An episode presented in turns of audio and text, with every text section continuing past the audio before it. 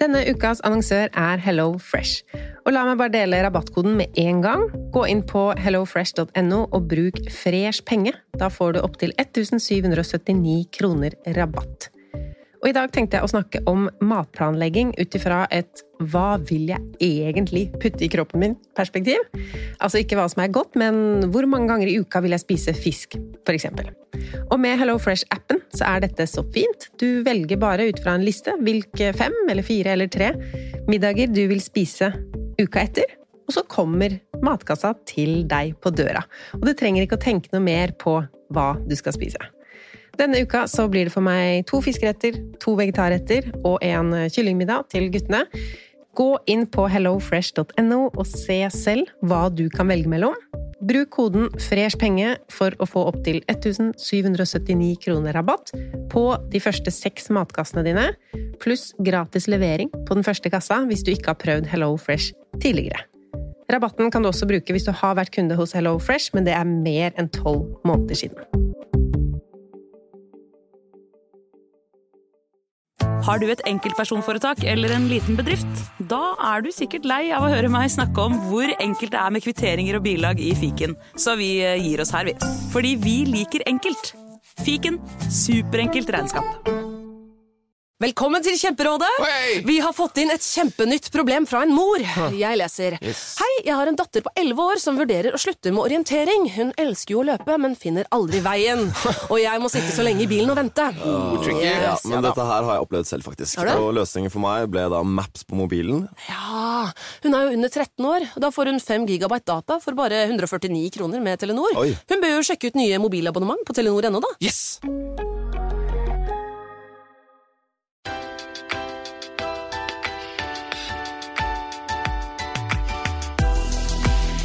Velkommen til en ny episode av Pengesnakk. Jeg heter Lise, og jeg elsker å spare og snakke om økonomi og hvordan vi kan bruke pengene våre litt smartere. Og en ting som jeg vet at mange av dere gjerne skulle hatt litt bedre oversikt over, men som virker så vanskelig, er pensjon. Så det skal vi snakke masse om i denne episoden. Jeg er så heldig at jeg har fått en gjest her i studio. Em, Beate, velkommen. Jo, takk. Vi ble jo kjent for et par år sia, da vi dro til Gøteborg for å bli inspirert til å ta enda mer grep om eh, våre egne penger. Og du ble jo inspirert til å jobbe mindre i jobben din. Kan Ja. du fortelle litt om det? Ja, det, det stemmer det. Vi var vel på et seminar med Jan Bolmesson i, i Gøteborg, og han snakket mye om dette med å bruke tiden på det vi syns var viktig, og, og generere inntekter på andre måter. Så du har starta opp flere egne prosjekter. Hva driver du mest med nå? Eh, jeg jobber frilans. Eh, jeg driver og jobber med noen bokmanus, har et par bokprosjekter på gang. Og så prøver jeg å drifte litt sånn sosiale medier og Instagram. Og så har jeg også en eh, Facebook-gruppe for kvinner som heter Moneypenny Norge. Og så jobber jeg litt vikartimer på Nav, som er den gamle jobben min også, for å få det til å gå rundt, da. Ja, for der jobber du rett og slett med gjeldsrådgivning. Ja, jeg er økonomisk rådgiver der. Ja, Så du hjelper folk som er i krevende situasjoner med økonomien sin? Ja, det gjør jeg. Og det, det er veldig, veldig givende. Og mm, morsomt, egentlig, å gi, gi folk eh, råd og veiledning til å få en bedre økonomi, og noen ganger bare leve bedre med den økonomien de har. Mm. For du er jo pensjonsnerd. Hvorfor er du det?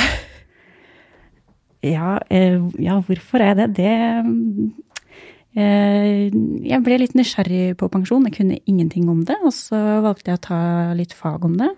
Og så oppdaga jeg at eh, oi, dette burde folk vite mye mer om.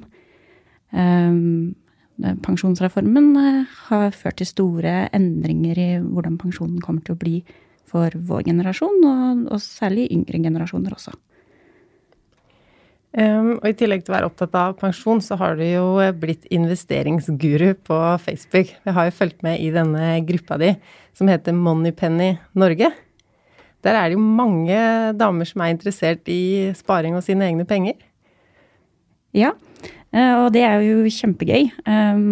Kvinner generelt har kanskje vært, eh, og er, litt for lite interessert i investeringer. Um, så det, nå kommer det jo mange initiativ, ser jeg. Det er ikke bare min gruppe, men det er flere andre også. Og um, det er kjempegøy at kvinner begynner å ta litt mer grep. Jeg har lest et sted at kvinner er flinkere investorer enn menn. Når de først investerer, så gjør de det bedre. Stemmer det? Uh, ja, det stemmer til en viss grad. Det, uh, kvinner uh, investerer ikke Eller de kjøper og handler ikke så ofte som menn. og så holder de ofte lenger på, på, det de kjøper, og det er en veldig god strategi.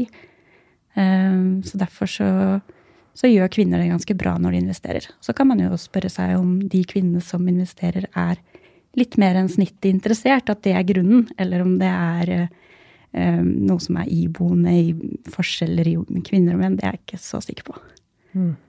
Men hva med pensjon, da? Er det stor forskjell på menn og kvinner når det gjelder å bry seg om sin egen pensjon? Hva er ditt inntrykk av det?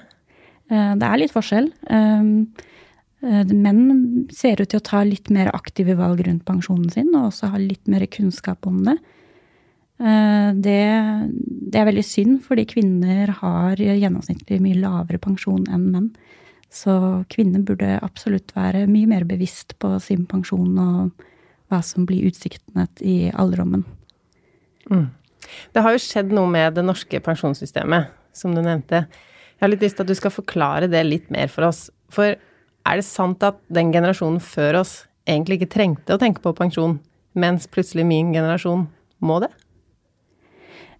Eh, det stemmer til en viss grad, fordi um, det har skjedd noen veldig viktige endringer. Og det er at eh, vår generasjon og de yngre generasjonene, vi må forvente å jobbe lengre. Um, hvis vi skal gå av med pensjon like tidlig som dagens generasjon gjør, så vil vi få betydelig lavere pensjon. Um, jeg tror jo kanskje at vi kommer til å jobbe lenger, da. Sånn at uh, det trenger ikke nødvendigvis å være et kjempestort problem. Uh, det er også innført uh, en viktig endring som gjelder at den løpende Det gjelder for dagens pensjonister også. Men det har særlig betydning for kvinner, fordi kvinner lever mye lenger enn menn. Og det er en, en løpende nedregulering av pensjonen. Eller underregulering, heter det vel. Og det gjør at den pensjonen vi får, den blir mindre og mindre verdt for hvert år. Og er man pensjonist i 30 år, kanskje, så har det enorm betydning. Det kan faktisk redusere kjøpekraften med 20 Oi. Det er jo mye pensjonsprat rundt omkring. Nå kan det hende jeg får opp mye sånne annonser fordi jeg googler rundt på økonomiting, men jeg føler det er mye sånn pensjonsmas, og det kan jo gjøre at mange får litt vondt i magen. Fordi eller jeg tror det handler om at man ikke vet helt hva man skal gjøre. Og er det sånn at alle må spare til pensjon? Eller kan det hende hvis man setter seg inn i det her og finner ut at man finner ut at man ikke må spare til pensjon? Er det så store forskjeller? Alle må ikke spare til pensjon. Noen har veldig gode pri private pensjonsordninger gjennom, eh, gjennom, arbeidet sitt. Eh, noen har også gode utsikter til arv, eller eier mye, har mye formue. Og da er det kanskje ikke nødvendig å spare til pensjon. Eh, men tilhører du en gruppe med lav inntekt og har liten formue, eh, så bør du kanskje tenke litt, eh, litt på pensjonen litt tidlig. Men sånn helt konkret, hva skal man gjøre da? Kan vi lage en sånn steg for steg?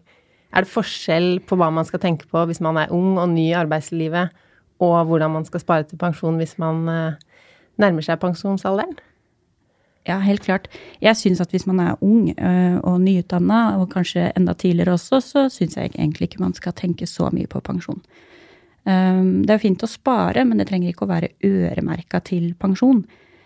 Um, da må man fokusere kanskje på BSU-sparing, etablere seg, um, kanskje kjøpe bil det er veldig mange andre ting man trenger å bruke pengene på. Det hadde jo vært kjempefint å bare kunne spare masse til pensjon, men de aller fleste er ikke i den situasjonen hvor de har masse penger til overs som de kan utsette å, bruke til 40 år fram i tid. da.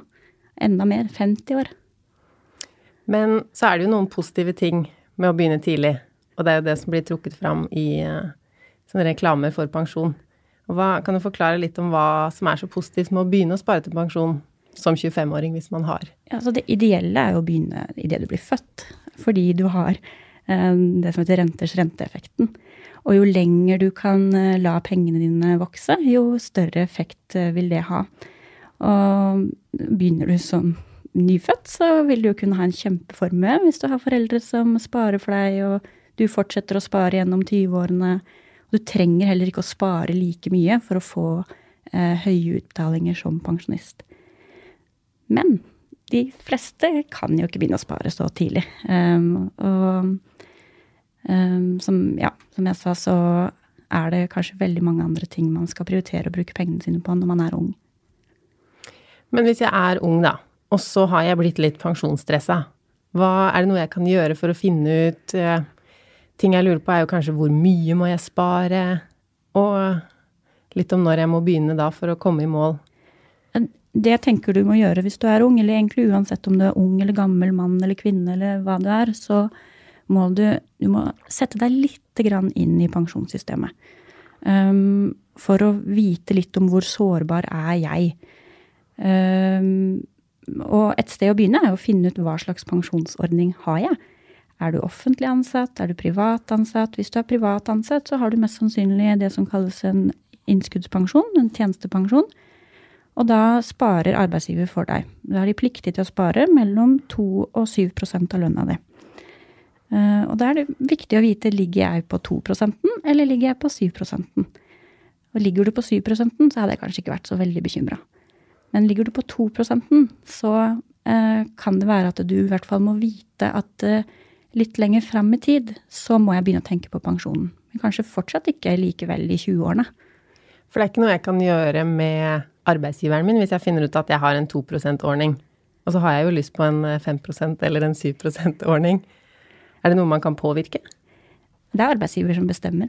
Men Man kan jo forhandle, da. Da må man se på det som en del av lønnen. Men du kan ikke forhandle individuelt. Det, blir, eh, må, det er en del av en pakke, så du kan ikke få en individuell pensjonssparing gjennom jobben. Mm. Skal vi snakke litt om eh, IPS? Ja, det må vi. IPS, jeg, jeg syns jo det er blitt litt oversolgt, og særlig til unge mennesker, uh, av, av, finansbransjen og bankene. IPS er et fantastisk produkt til pensjonssparing. Ja. og til pensjonssparing er det kanskje det beste produktet. Ulempen er jo at du binder pengene til du er i hvert fall 62 år. Um, og det syns ikke jeg nødvendigvis at uh, alle 20- og 30-åringer bør gjøre. Så um, IPS, fantastisk pensjonsprodukt, uh, men vent til du har kommet deg inn i bolig, fylt opp BSU-kontoen, uh, kanskje er oppe i 40, nærmere 50 år. så kan du begynne å tenke på IPS.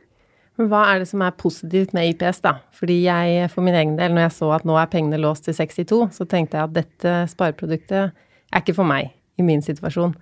Men uh, hvilke fordeler har IPS? Eh, en av de viktigste fordelene er at de har det som kalles utsatt skatt. Uh, mange tror det er at skattefri, eller skattelett, eller hva de kaller det, men du får utsatt skatten. Det vil si at hvis du sparer um, sparer 10 000 kroner i året på eh, IPS, så får du tilbake 2200 kroner på skatten. Eh, og de kan du jo putte inn igjen for å investere videre. Så da blir renter, så du kan få renter også på, på eh, det, det, du får tilbake. Og det gjør at du får boosta sparingen din, sammenligna med andre spareprodukter. Det er jo også en fordel for de som kanskje mangler disiplinen til å la være å bruke av sparepengene, hvis man faktisk trenger de pengene til pensjon, så kan det jo være en fordel at det er låst. Men da bør det ikke være 40 år fram i tid. Kanskje 10-15. Ja. Mm. Um, jeg tenker på sånn med fast ansatt og ikke fast ansatt. Er det noen forskjell på pensjonsordningene hvis man jobber lenge i en bedrift, eller hvis man er vikar i et år? Ja, det er det. Eh, det har ikke noen betydning om du er fast ansatt eller om du er vikar, eh, i så måte, men det har betydning for hvor lenge du har et ansettelsesforhold.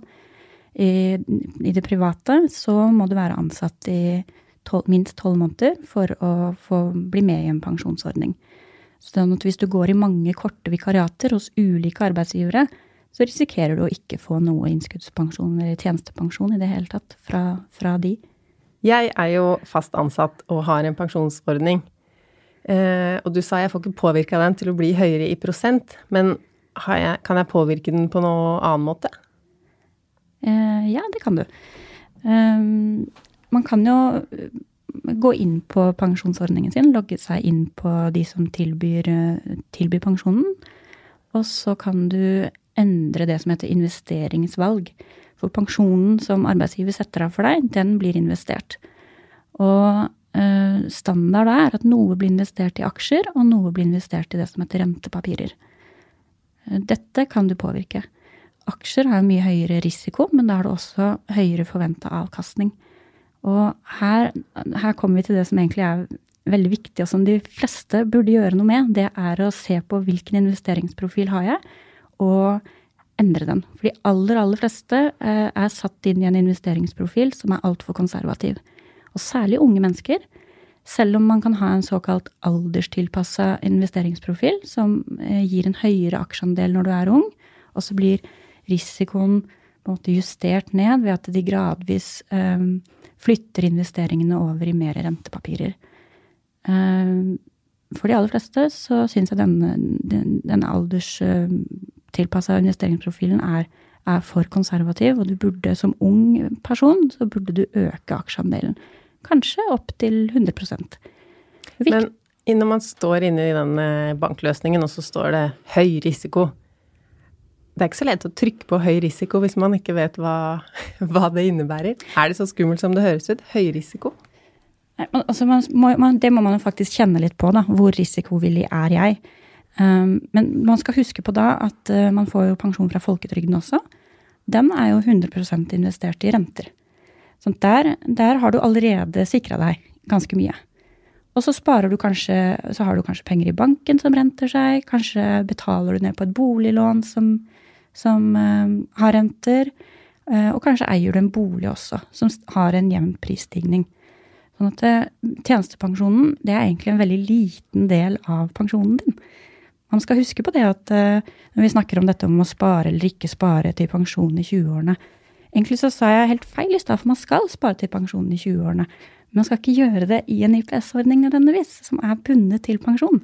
Man skal gjøre det ved å betale ned gjeld, man skal gjøre det ved å sette til side kanskje andre sparepenger. Eh, Det er mange måter å spare til pensjon på.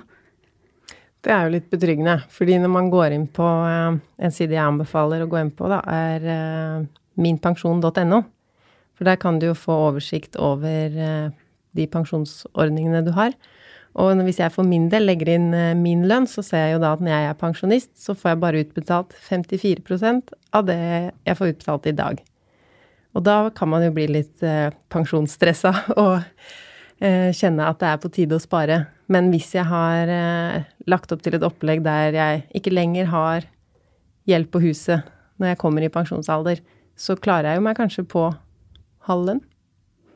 Ja, og så skal man huske på det For det stresser Mange eksperter stresser dette her med prosent, prosentandel av lønna di.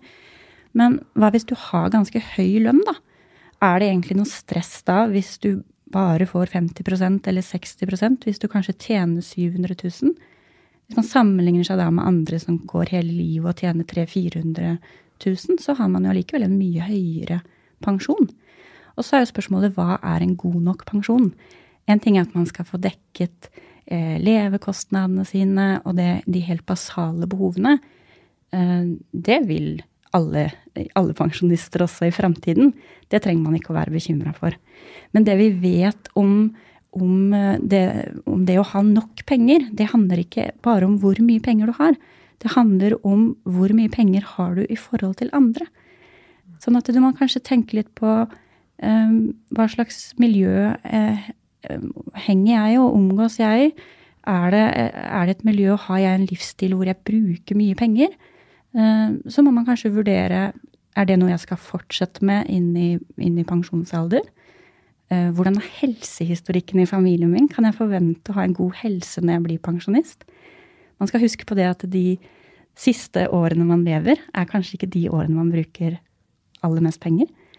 Um, og veldig mange vil ha veldig god råd som pensjonist pga. at man har nedbetalt bolig, at man har sparepenger, at man har andre formuesgoder i livet sitt som man har opparbeidet seg gjennom et langt liv. Så når jeg blir pensjonist, så tror du at jeg kan dra på cruise med alle barnebarna uten at jeg har begynt pensjonssparinga allerede nå? For man har jo kanskje noen drømmer man vil realisere når man blir pensjonist òg, da. Kanskje de, de første åra som pensjonist spesielt, når man plutselig har masse fritid og Ja. eh, Hvis du spør helt konkret for deg, Lise, så er jeg ikke så bekymra for om du har råd til det eller ikke. Men om alle pensjonister kommer til å ha råd til det, det, er, det vet jeg ikke. Men eh, er det viktig for å kunne ha et god pensjonisttilværelse? Det, det er ikke jeg så sikker på. Nei. Og hvis det er det, så er man jo kanskje av den delen som må spare en del til pensjon. Hvis man legger opp til dyre aktiviteter. Ja, nettopp. Så lurte jeg på det her med fripoliser og gamle arbeidsgivere sine ordninger. Kan jeg gjøre noe med de? Ja, eh, fripoliser, eh, de, det er litt sånn komplisert eh, område, faktisk. Og det har ikke jeg kjempelyst til å si så mye om. Og det er mange som har ja, ikke vært kjempefornøyd med de ordningene før. For da de ble inngått, så var det et helt annet økonomisk marked enn det det er nå. Eh, Men når det gjelder gamle pensjons- eh, innskuddspensjon, så kan man faktisk gjøre noe. For det er det, eh, det, er det mange som har. Når man, får, når man har avslut, avslutter et arbeidsforhold, så får man noe som heter eh, et eh, kapitalbevis. Og det er liksom, ja, beviset på at eh, jeg har opptjent pensjon hos denne arbeidsgiveren. Og mange kan ha mange kapitalbevis, og da lønner det seg å samle de et sted, sånn at man ikke betaler for forvaltning av veldig mange ulike eh, bevis. Da. Og det, det vil jo spise opp av avkastningen på det. Så tipset er å gå inn på Min pensjon eller Norsk pensjon, finne ut hvilke eh, pensjonsavtaler har jeg nå, hvilke har jeg hatt, og kan jeg samle det inn hos det. Det er også mulig, eh, faktisk med de gamle fripolisene så er det mange som har gitt en mulighet til å kunne eh, flytte de, eller eh, gjøre de om til fripoliser med investeringsvalg. Du kan ikke flytte de, men du kan gjøre de om. Jeg har blitt en del klokere på pensjon i dag, jeg. Tusen takk skal du ha, Beate. Em, bare et siste spørsmål. Sånn, hvis man sitter nå og tenker jeg har lyst til å ta grep om min egen pensjon, jeg har i hvert fall lyst til å finne ut hva, hvordan jeg ligger an, og om jeg må spare, og i så fall hvor mye, og hvor skal jeg starte? Så du skal starte å finne ut hva slags eh, pensjonsordning du har. Um, undersøke med bedriften du jobber i. Uh, og hvis du jobber i det private, så bør du logge deg inn på selve pensjonsavtalen og uh, vurdere om du skal endre investeringsvalget. Og så må du tenke litt igjennom hva, hva er mine utsikter framover. Hvordan ser jeg for meg at karriereløpet mitt vil bli? Kommer jeg til å tjene godt? Kommer jeg til å ligge i det lavere sjiktet i lønn? Og så må du gjøre deg noen tanker om, eh, om, eh, om du skal spare ved siden av eller ikke. Hva hvis jeg driver for meg selv, da? Må jeg tenke mer eller mindre på pensjon da? Hvis du driver et AS, så skal jo bedriften spare for deg. De er også pliktige til å ha en eh, tjenestepensjon. Men hvis du driver enkeltmannsforetak, så er du selv ansvarlig for å sørge for sparing til det. Og da er jo IPS et kjempefint produkt.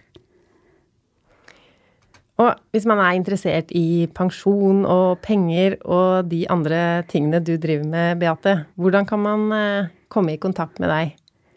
Ja, Foreløpig da så kan du følge meg på Instagram. Der heter jeg Rikere liv. Og hvis du er kvinne, så er du hjertelig velkommen til å være med i Facebook-gruppa vår.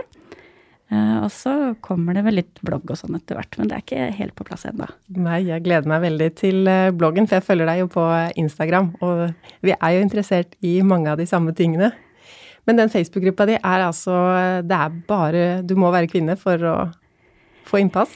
Ja, det, det har vært en del menn som har spurt om å få være med, og dessverre foreløpig så har vi avvist de. Eh, vi er egentlig litt lei oss for det, men eh, det handler ikke om å utelukke mennene, men eh, en måte å prøve å inkludere flere kvinner på. Og da har vi funnet ut at da trenger kvinner litt mer lukka forum eh, med andre likesinnede, hvor de kan eh, spørre fritt. Jeg syns det er et kjempeflott initiativ, og det er jo så mye engasjement i den eh, gruppa òg. Det er eh, mange kvinner der ute som er interessert i investering, og som eh, kanskje står litt i startgropa og gjerne vil ha et community rundt denne, disse første investeringene. Ja, og det, det, tror jeg egentlig er ganske viktig. At, uh, det tror jeg kanskje menn har vært mye flinkere enn det vi kvinner har vært. Uh, diskuterer investeringer og finans i mye større grad. Og, men også sitter på eierskapet mye større grad. Sånn at de har vel hatt en mer naturlig interesse av det. Um, og det må vi gjøre noe med. Vi må gjøre det naturlig for kvinner også å prate om investeringer og dele erfaringer og kunnskaper. Mm. Så da kan man søke opp Money Penny Norge? Yes. Tusen takk for uh, i dag. Meg finner dere som alltid på pengesnakk.no. Neste episode skal vi snakke om miljø, og hva hver og en av oss kan gjøre for kloden vår. Ha det bra!